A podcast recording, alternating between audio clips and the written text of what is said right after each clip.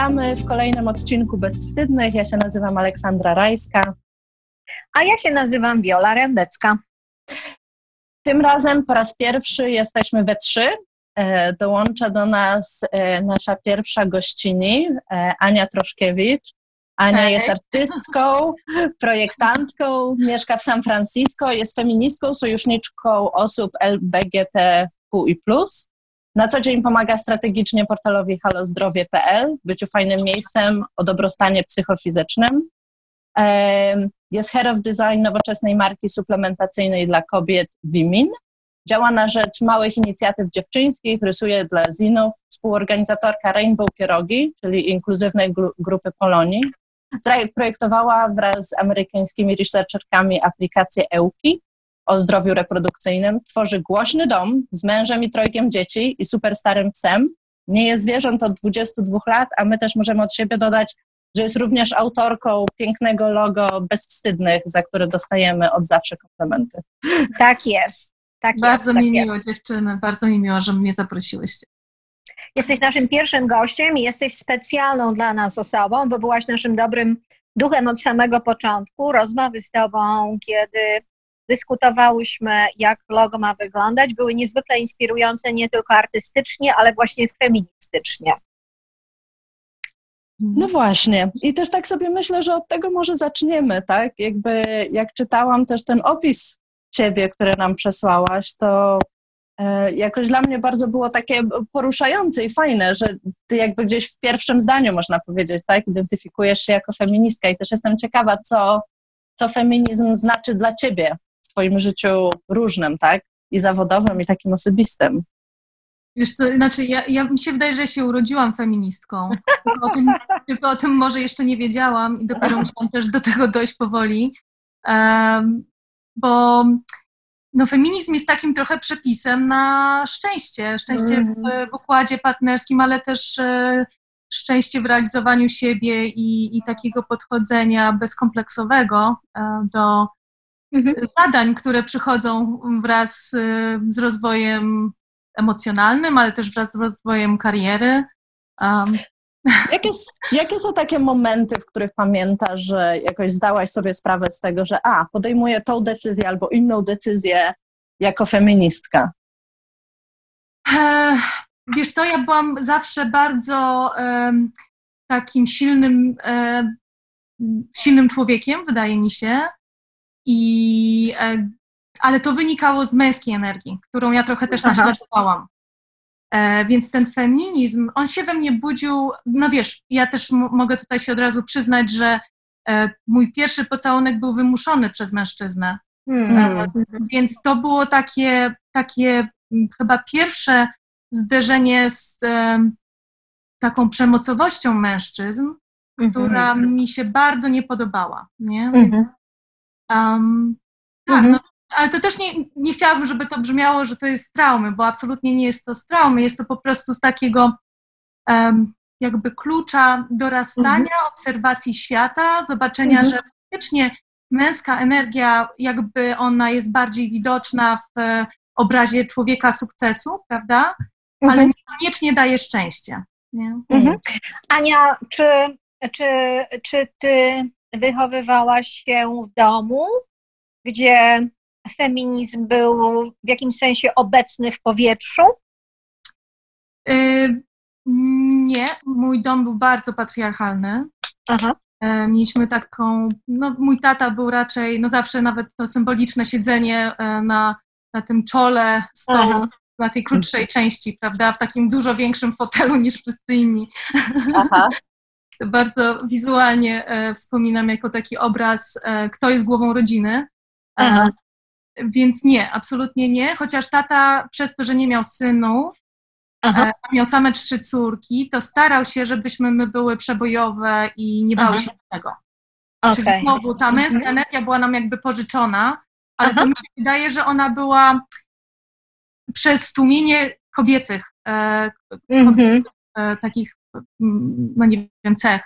Aha, czyli tata wspierał, wspierał, bo kochał, bo kochał swoje dzieci, ale też, tak to brzmi trochę, jeżeli dobrze rozumiem, wspierał, bo nie miał syna w jakimś sensie, tą, dzielił się tą męską energią z córkami. Mm. Nie dlatego, że sam był feministą z, nie, z krwi i kości, tylko dlatego, że kochał dzieci. Mm. Tak, że to było właśnie. Um, tak, no jakby chciał, żeby nam było dobrze, dobrze. ale nie pozwolił mhm. nam być, w końcu jak dorosłyśmy, też nie mhm. pozwolił nam być samodzielnymi dziewczynami na przykład. To same mm to wywalczyć w jakimś sensie. Czyli dużo takiej sprzeczności też w tym było, w tym przekazie. Też tak A sobie myślę. Okej, okej, okay, go, go. Nie widzimy się. Nie musimy też, tak, musimy też przyznać się swoim słuchaczom wiernym, że nie widzimy się po raz pierwszy. W związku z tym będziemy sobie niewykluczone, że wchodzić w słowo z wiolą, bo zwykle porozumiewamy się wzrokowo, a tutaj nie mamy takiej szansy.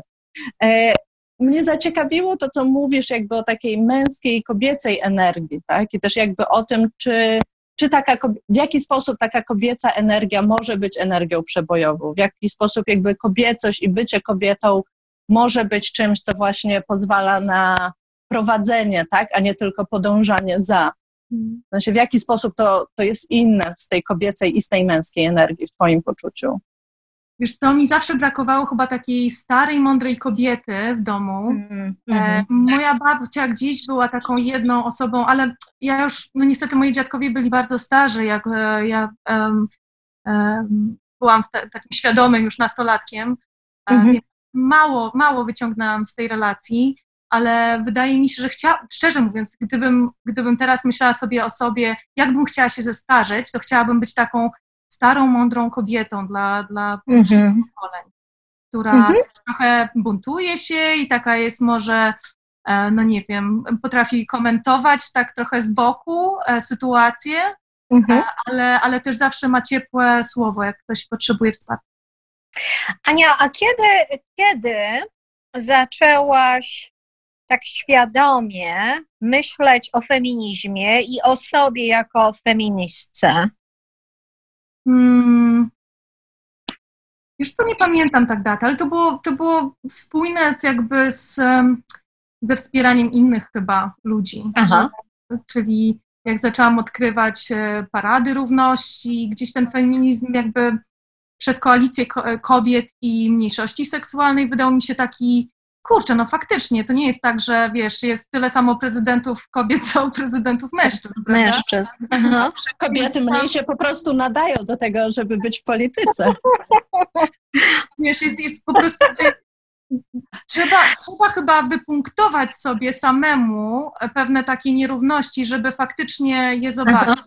Mhm. E, I też uznać, że e, ten patriarchat czasami jest e, korzystny dla niektórych kobiet i też trzeba się mhm. przyznać samej sobie, że mhm. okej, okay, ale to ja tylko zyskuję przez jakby współudział w jakimś sensie, prawda? Czyli mhm. um, czasami zobaczenie sytuacji innych pomaga też w takim rozliczeniu e, własnego przywileju, takiego nie? partycypowania w patriarchacie. Tak, tak, tak. Mhm. tak. Czy, mhm, mhm. mhm. Ania, czy, czy emigracja, bo tak jak Ola wspomniała na początku, mieszkasz w San Francisco. San Francisco w Stanach, ale też myślę, że tak ogólnie jest postrzegane jako bardzo takie progresywne miasto, no nie tylko miasto, ale właściwie część Kalifornii. E, gdzie e, zaszły gigantyczne zmiany kulturowo-społeczne związane z otwartością e, i akceptacją osób tak zwanego non-binary system, ale też miasto, w którym innego rodzaju progresywne aktywności mają miejsce. Więc moje pytanie jest związane z tym, czy emigracja pomogła ci, czy pomaga ci w byciu feministką, czy przeszkadza ci w tym? Mhm. No, wydaje mi się, że pomaga bardzo, bo też pokazuje mi cały spektrum feminizmu, który jest tu mhm. strasznie taki różnorodny, bym powiedziała. Mhm. Mamy tu nie tylko kobiety w technologiach, które mhm. walczą o przywrócenie e, kobiet, jakby tego, to kiedyś było pole dominowane przez kobiety, a teraz jakby kobiety muszą się do, dopraszać o znowu miejsce przy stole. Więc tu mamy z jednej strony te um, kobiety feministki technologiczne, mamy też mhm. feministki związane z całą uprawą konopi, bo u nas jest mm, marihuana lecznicza, ale też rekreacyjna mhm. i CBD, no jakby to są tematy bardzo powiązane z feminizmem, mhm. więc jest to bardzo ciekawy feminizm, którego w Polsce jeszcze nie widzę, no oczywiście ze względów też mhm. prawnych. Oczywistych, tak, teraz. E, chociaż CBD jest jak najbardziej legalne i nie psychoaktywne, więc mam nadzieję, że e, nurt takiego radzenia sobie z bólem gdzieś e, się pojawił u nas też. Mhm. Mhm. No jest po prostu, wiesz, nawet, nawet jak wygląda rodzina też jest ciekawą. Mhm. Tutaj, tutaj nikt się nie dziwi, że dwóch panów adoptowało dzieci, albo, albo nawet jeszcze inaczej, że mają dzieci własne, ale z surogatki, która mieszkała mhm. gdzieś w Indiach, więc wiesz, to są takie bardzo mhm. dziwne e, rzeczy, których no, u nas w Polsce raczej się nie widuje, a tutaj mhm. są normalne. Więc I bardzo pozytywne.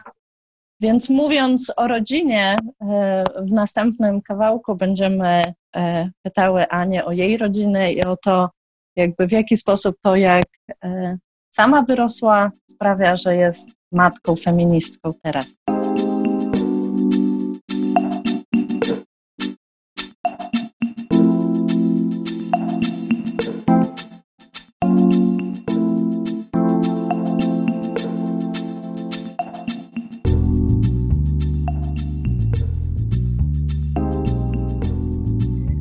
Porozmawiajmy o Twojej rodzinie, porozmawiajmy o Twojej feministycznej rodzinie. Jesteś w związku z mężczyzną, macie troje dzieci, jeżeli dobrze lokalizuję sytuację. I jesteście zdecydowanie e, rodziną feministyczną. Powiedz coś więcej na ten temat. Mhm. No, jesteśmy na maksa normalną rodziną w takim tradycyjnym e, znaczeniu, e, dlatego że, tak jak mówię, no, jesteśmy w hetero związku hetero, jesteśmy cisgender, więc jakby tutaj nie jesteśmy niczym wyjątkowym, ale wydaje mi się, że postawa, którą próbujemy dzieciakom e, pokazać jako rodzice w akcji, e, no jest stricte feministyczna i moje dzieciaki to chłoną. Mhm. Chłoną co? Co widzisz, że e, ma na nie wpływ? No chłoną to, że zawsze byliśmy z nimi, e, jak się urodziły, to byliśmy oboje w domu, mhm. E, bo obodwoje pracujemy e, z domu zdalnie, czyli też można było, było sobie tak zrobić, że po prostu w momencie, kiedy ja mam jakiś projekt, no to i małe dziecko, to Kuba przejmował większość obowiązków, a kiedy on musiał bardziej przysiąść i coś zrobić, no to ja przejmowałam więcej obowiązków, ale tak naprawdę mhm. staraliśmy się zawsze, żeby było pół na pół po prostu, wiesz, jakby mhm. sprawiedliwie. Bo mhm. właśnie chciałam też powiedzieć o tej sprawiedliwości, która jest też częścią feminizmu, e, a tak naprawdę większość rodzin e, tej sprawiedliwości jakoś tam nie do końca, e, no nie wiem, tak nie żyje to w rodzinie sprawiedliwie. To nie jest takie naturalne, prawda? To ja, nie jest takie naturalne, tak. Ja, ja, to, ja to nawet widzę, wiesz co, u siebie um, e, i e, naprawdę jest to dla mnie teraz bardzo, bardzo jasne. E, e, chociażby w kontekście gotowania.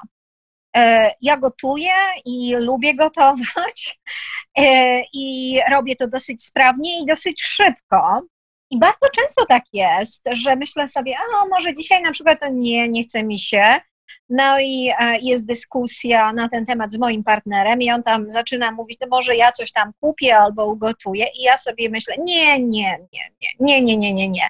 I później po jakimś czasie łapię się na tym, że większość czasu, e, znaczy większość czasu, może nie czasu, ale właśnie takiego zaangażowania w gotowanie jest po mojej stronie.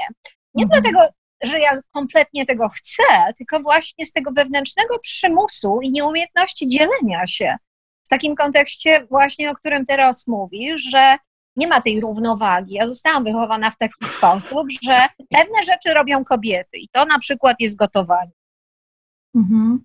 No, u nas jest bardzo taki podział ciekawy, dlatego że to mój mąż na przykład chodzi z dziećmi do lekarza i on e, odwozi dzieci i przywozi, czyli on jest to, co amerykańskie mamy robią. On robi dokładnie to, co zarządzanie takimi sprawami um, z kalendarza, że tak powiem.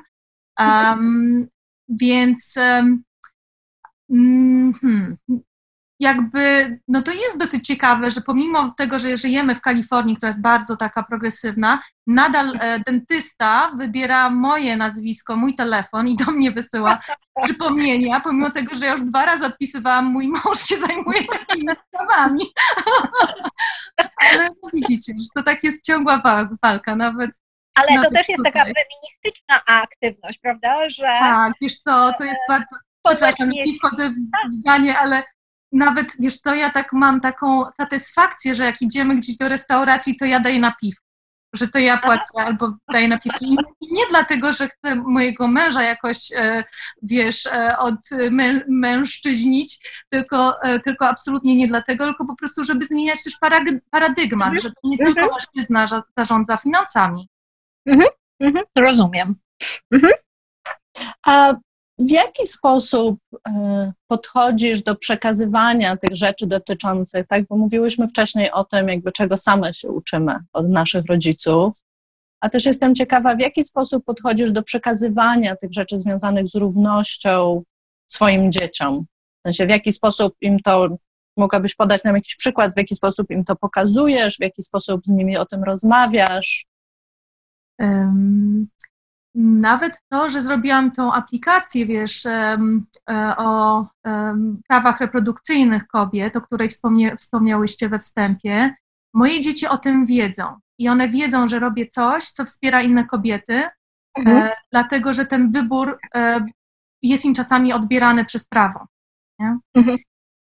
I, I rozmawiamy o bardzo wielu rzeczach, o na przykład ostatnio mój syn powiedział, mama, czemu golisz nogi? Ja mówię, no czasami gole nogi. On mówi, przecież wiesz, no nie musisz. Ja mówię, Dzięki, że mi to mówisz. Oczywiście, wiesz, jakby ta informacja do mnie wraca w jakimś sensie i, i mi jest bardzo przyjemnie, że takie dziecko mówi, nie, nie musisz. A ja mówię, tak, ale czasami lubię. I to jest wystarczająca odpowiedź. Czasami lubię, czasami mam na to ochotę. Wiesz, to nie jest tak, mhm. tak, że ktoś mi każe. E, jest to gdzieś tam, nie wiem, tak jak czasami się posmaruję, nie wiem, olejem, tak, wiesz, sobie maseczkę zrobię czy coś, to, to moje dziecko może wiedzieć, że to nie chodzi o jakiś tam stereotyp powielany, e, mhm. jak wygląda dbanie o kobiecość, tylko po prostu, że mi to czasami sprawia przyjemność i to jest wystarczający powód na coś. Mhm. A jak podchodzisz, e, jak podchodzisz ze swoimi dziećmi do tego, jakby w jaki sposób, ja też nie wiem, jakiej płci oni są, tak, ale jakby w jaki sposób oni też nawigują między sobą, tak, to co kobiece, to, to co męskie, tak, jakby czy to też jest coś takiego, tak się pytam, bo mam taką koleżankę, która ma i syna, i córkę i gdzieś jakoś ona bardzo dużo pracy wkłada w to, żeby jakoś szczególnie mówić do swojego syna o tym, żeby robił różne rzeczy, które robi jej córka, tak? Właśnie, żeby okay. to nie było takie oczywiste, że właśnie dziewczynka to powinna umieć właśnie, tak jak mówiłyście wcześniej, gotować, tak? Ale mhm. żeby gdzieś jakoś szczególnie to podkreślać w swojej relacji z nim, tak? I też byłam ciekawa, w jaki, w jaki sposób ty do tego podchodzisz, bo w ogóle gdzieś jakoś interesuje mnie to, jak, jak matki, jak kobiety, mm. kobiety w rodzinach podchodzą do takich tematów. No, to jest to jest super, że o to pytasz, bo moi e, synowie mają włosy do pasa mhm. i um, to jest po pierwsze no, dosyć nietypowe dla chłopców, że wyglądają jak dziewczynki, tak się, wiesz, cały czas się z tym spotykamy, że wyglądają jak dziewczynki. E, I oni jakby są pewni, że są chłopcami, tylko po prostu im się te włosy podobają, są pewną częścią ich tożsamości i nie chcą obcinać włosów. To nie jest tak, że ja sobie wymyśliłam, że będą mieli długie włosy, ale faktycznie na początku było tak, że chciałam, żeby mój syn miał na przykład różową kurtkę. Jeszcze mieszkaliśmy w Polsce i pamiętam, że nawet e, z ust mojej rodziny padło, no nie, no chłopiec w różu, jakby a, a dla mnie było, e, ja wolę poszerzać chłopcom, e, bo dziewczyny walczą o poszerzanie mhm. temu, tego, co dziewczynom wolno, ale, ale chłopcom gdzieś mhm. też to należy, takie mhm. poszerzanie tego, co jest w spektrum chłopięcości ok, Mhm. E, I na przykład, no znowu przywilej mieszkania w Kalifornii. E, chłop, chłopcom tutaj e, nikt nie spojrzy na chłopca krzywo, jeżeli będzie miał pomalowane paznokcie. Mhm. W ogóle w szkole moich dzieci cały program takiej świetlicy jest prowadzony przez artystów queerowych i, i jest to przepiękne miejsce, naprawdę pełne zrozumienia, samo takiej, wiesz, wolności ekspresji. I, I tam właśnie jakby to jest piękne miejsce, żeby wychowywać e, mhm. chłopców w takim przywileju e, dostępu do tego, co jest stereotypowo kobiece. Mhm.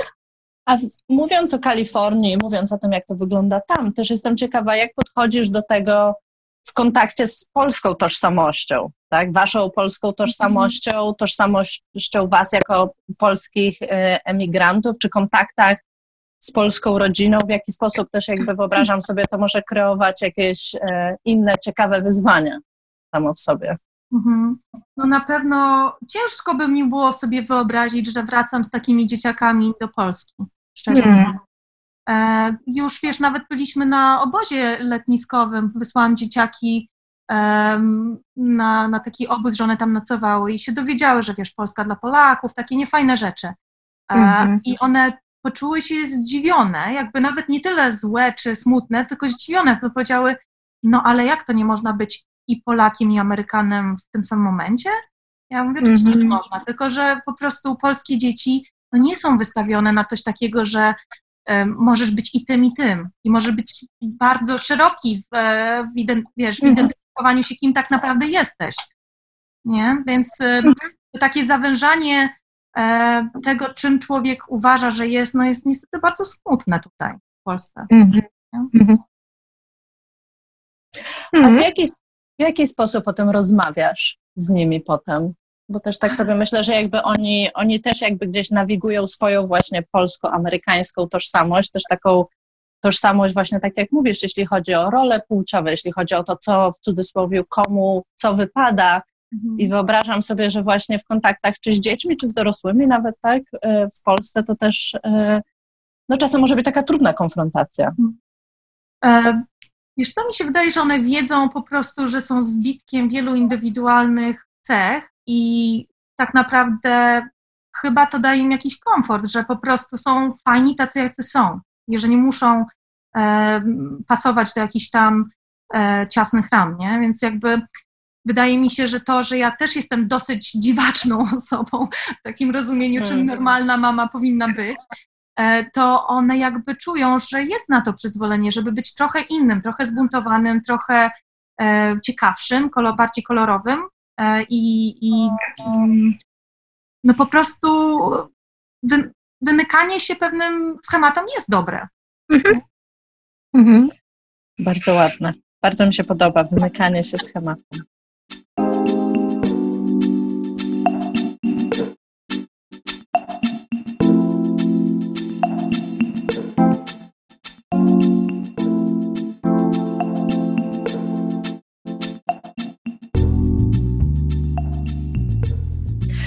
Mówiąc o rodzinie, nie sposób nie myśleć też o pracy i o tym, jakby jaką rolę w życiu rodziny odgrywa praca. Mnie bardzo zaciekawiło to, jak opowiadałaś, Ania, o tym równym podziale, który, który macie w domu. E, I też jestem ciekawa, czy czułaś w różnych momentach swojego życia, tak, że jakby gdzieś praca, którą wykonujesz, przez to, że to jest praca, która jest pracą artystyczną, pracą w domu, że trudno było uzyskać szacunek od innych dla tej pracy. Ja gdzieś pytam z takiego punktu, bo, bo też słyszę od osób, które pracują, czy pisząc, czy projektując, czy robiąc takie rzeczy, że często przyjaciele, rodzina uważają, że to nie jest taka prawdziwa praca, że jak ktoś nie wychodzi do biura o 8 rano z aktówką, to to nie jest taka prawdziwa praca, to nie jest taka pełna praca, że trudno jest taką pracę szanować i gdzieś dawać na nią przestrzeń i czas i miejsce, więc też jestem ciekawa, czy to się kiedyś pojawiało i też jakby jak to, jak ty to nawigowałaś, jak wyście to nawigowali jako rodzina. Mhm. E, wiesz, no jeżeli chodzi o pracę, no to nie sposób e, nie mówić o pracy bez wynagrodzenia i to chyba było takim kluczowym e, problemem, który gdzieś wiedziałam, że mi gdzieś w tyle głowy cały czas mówi, hej, musisz na siebie zarabiać, nie? Musisz, mm. musisz zarabiać tak, że gdyby coś się stało, będziesz w stanie się utrzymać. E, to był taki moment, który jest bardzo e, ciężki, jak masz małe dzieci i twoja praca nie przynosi tyle pieniędzy, ile powinna i nagle rozumiesz, że tak naprawdę wszystko się opiera na gdzieś tam pełnym zaufaniu, nie? Do mm. partnera i partnera do ciebie, że sobie jakoś wspólnie po prostu poradzicie. Mm. Bo wiesz, na przykład y, no moja mama nigdy nie pracowała, znaczy pracowała trochę, ale to ona poświęciła całe życie, żeby mój tata zbudował karierę. Nie? Tak. Więc e, i ona była bardzo sfrustrowana i dopiero teraz naprawdę odżywa. E, robi to, co lubi i jest artystką właśnie, maluje, więc się śmiejemy, że, że, że odziedziczyła talent po mnie. że ten talent na pewno w niej był, tylko ona po prostu nigdy nie mogła e, go uaktywnić. Nie miała na to przyzwolenia, nie miała na to czasu. Więc no super, że tak mojej mamie się udało. U mnie jest tak, że E, faktycznie, a mamy na przykład, e, mamy pracy nie szanowałam i muszę się do tego przyznać bez bicia, że, e, że naprawdę no tak było, że tata trochę narzucił, że no, jego praca jest ważniejsza, nie? I, a mama rola, mamy rola była taka trochę służebna w stosunku do, do tego, co się taty życiu działo. I ja na pewno tak nie chciałam. Ja miałam pewność, że jeżeli będę prowadziła swój dom, no to na pewno nie chciałabym, żeby tak to wyglądało. Mhm. mhm. Okej. Okay. Ola? Nie, nie, nie, mów, mów, mów. Chciałam się zapytać Ciebie, Ania, czy, mm, e, czy w związku z Twoją pracą e, czujesz, że Twoja filozofia życiowa, czyli feminizm, przekłada się na Twój sposób tworzenia sztuki? Wiesz co, no wszystko, co robię, tak naprawdę gdzieś o ten feminizm zahacza, albo w bardzo bezpośredni sposób, albo w pośredni, no bo tak jak um, wiesz, no, moje rysunki są jednoznacznie powiązane z, z ciałem kobiety, z jego możliwościami, ale też e, z zdrowiem psychicznym, zdrowiem fizycznym, gdzieś krążę wokół tematów, które mnie zawsze interesowały. Mhm.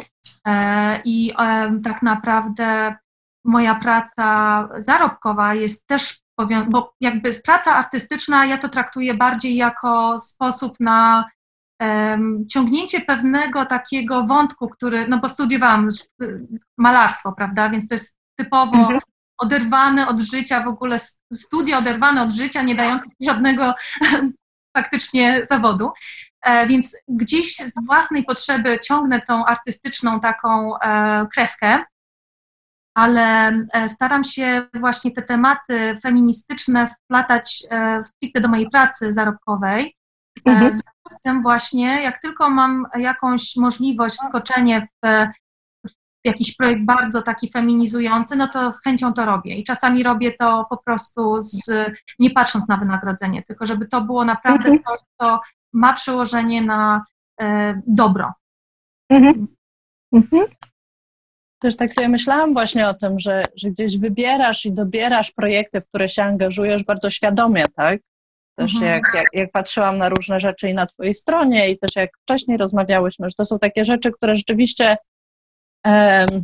jakby gdzieś kreują pewien świat, nie tylko wizualny, tak, ale jakby też jeśli chodzi o jakiś przekaz i filozofię, ale wyobrażam sobie, że są pewnie takie sytuacje, w których tak jak mówisz, tak, że jakby gdzieś ten świat materialny i potrzeba zarabiania pieniędzy i wartości e, się zderzają, tak, więc też jestem ciekawa, czy byłaś w takich sytuacjach, kiedy miałaś poczucie, że albo zostałaś zaproszona do projektu, który gdzieś jest niezgodny z tym, co wierzysz i gdzieś jakoś się na to nie zdecydowałaś, albo zdecydowałaś się wziąć projekt, który, w który właśnie wierzysz, ale gdzieś, mimo że jakby wynagrodzenie nie było takie, które było gdzieś jakby warte twojej pracy, to tak sobie myślę, że to są takie dylematy, które, które gdzieś jakby cały czas, um, którym cały czas musimy się przyglądać na różne sposoby w swojej pracy tak. zawodowej w ogóle. Tak, wiesz co, no pierwszą moją taką świadomą e, decyzją, którą bardzo konsekwentnie realizuję, jest to, że nie chciałam nigdy pójść do biura. Mm.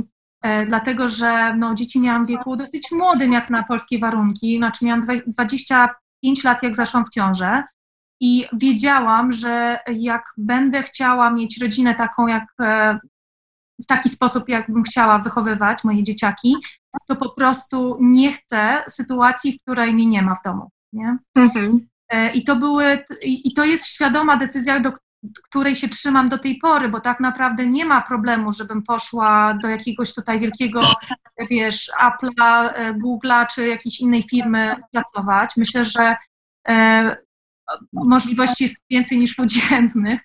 E, pro, problem jest tego typu, że ja po prostu e, niedobrze bym się czuła w takiej roli. E, osoby, która um, marnuje czas na dojazd, wiesz, jakby to też jest mało elastyczny sposób pracy i szczególnie jakby u mężczyzn chyba jest to też dużym problemem, dlatego że pracodawcy nadal oczeka, oczekują, że mężczyzna nie weźmie czasu, e, bo ma chore dziecko, wiesz, albo jak na przykład dziecko się rodzi, no to wiadomo, to jest powiązane z e, ojcostwem teraz, prawda, i z byciem, z, moim, z mojej perspektywy w związku z partnerem, który też się zdecydował być w domu. Mhm. E, po to, żebyśmy tworzyli taki dom, jaki chcemy. Mhm. A jaki to jest dom, Ania? Jaki to jest dom? Jaki dom chcecie tworzyć dla Was i dla Waszych dzieci? Mhm. No wiesz, on nie jest idealny ten dom, bo tutaj mamy bardzo dużo e, charakterków, e, które żyją razem pod jednym dachem. E, dzieciaki są, e, jak ja jestem uparta, mój mąż jest uparty, no to one są dwukrotnie uparte. I faktycznie jest dużo konfliktów takich właśnie na tle, co jest fair, a co nie jest fair. Mhm. One bardzo pilnują tego, żeby było sprawiedliwie, szczególnie mhm. w podziale słodyczy, to oczywiście czy tam jedzenia. Generalnie jest ciągła walka o jedzenie i o to, kto ile czego dostał. E, i, I wiesz, no jakby to jest fajne, bo wychowuje osoby, które nie boją się e, przez konflikt do, docierać do sprawiedliwości. E, jest to utrudnienie, wiadomo, bo mamy po prostu cały czas musimy negocjować pewne sytuacje i ukracać pewne eskalacje, jest mhm. to ciągła, ciągła, taka naprawdę ciężka praca, ale mam nadzieję, że ona e, będzie po prostu tym dzieciakom jakoś tam wynagrodzona, że one mhm. naprawdę nie zginą w tym świecie, który no, raczej dobry nie będzie za te 20 lat. I muszą wiedzieć, że po prostu trzeba razem pracować i negocjować pewne, e, no, pozyc- pewną pozycję w hierarchii, prawda? Bo tu mamy, mhm. rodzina jest pewną taką, no staramy się, żeby to była płaska struktura, wiadomo, ale gdzieś one muszą negocjować nawet ze mną, jeżeli mhm. E, nie zgadzają się z moim zdaniem. Mhm. Bardzo mi się podoba, bardzo mi się podoba taka wizja, jaką właściwie narysowałaś w tej chwili, że twoja rodzina to jest grupa indywidualności, które próbują współistnieć ze sobą. Bardzo, bardzo do mnie przemawia ta koncepcja, nie tylko koncepcja, ale to w jaki sposób budujesz tą swoją rodzinę. Mhm. Bardzo dziękujemy za Twój czas. My na pewno będziemy Cię śledzić. Mam nadzieję, że e, zaprosimy Cię na kolejną rozmowę o innych rzeczach. Ja mam bardzo dużo pytań dotyczących e, feminizmu i designu, e, na temat tego, co mówiłaś o konopiach i o feminizmie. Myślę, że jest dużo rzeczy, o które mogłybyśmy się Ciebie zapytać następnym razem. Dziękuję bardzo Ania za, za Twój wkład w, w nasz podcast i za to, że zgodziłaś się z nami dzisiaj spotkać i rozmawiać.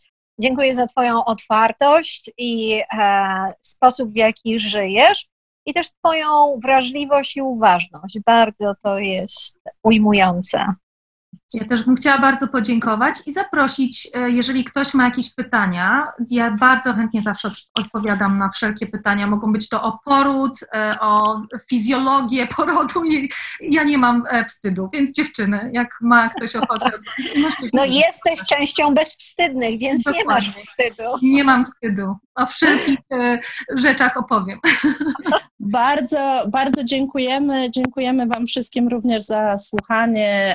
Do usłyszenia w kolejnym odcinku. Tak jak zawsze możecie nas śledzić na Instagramie, na Facebooku, pisać do nas na bezwstydny podcast na Gmailu e, i również kontaktować się z Anią we wszystkich kwestiach. Bardzo Wam dziękujemy. Dziękujemy bardzo i być może następny odcinek będziemy nagrywać w Alabama. I opowiemy o tym czemu.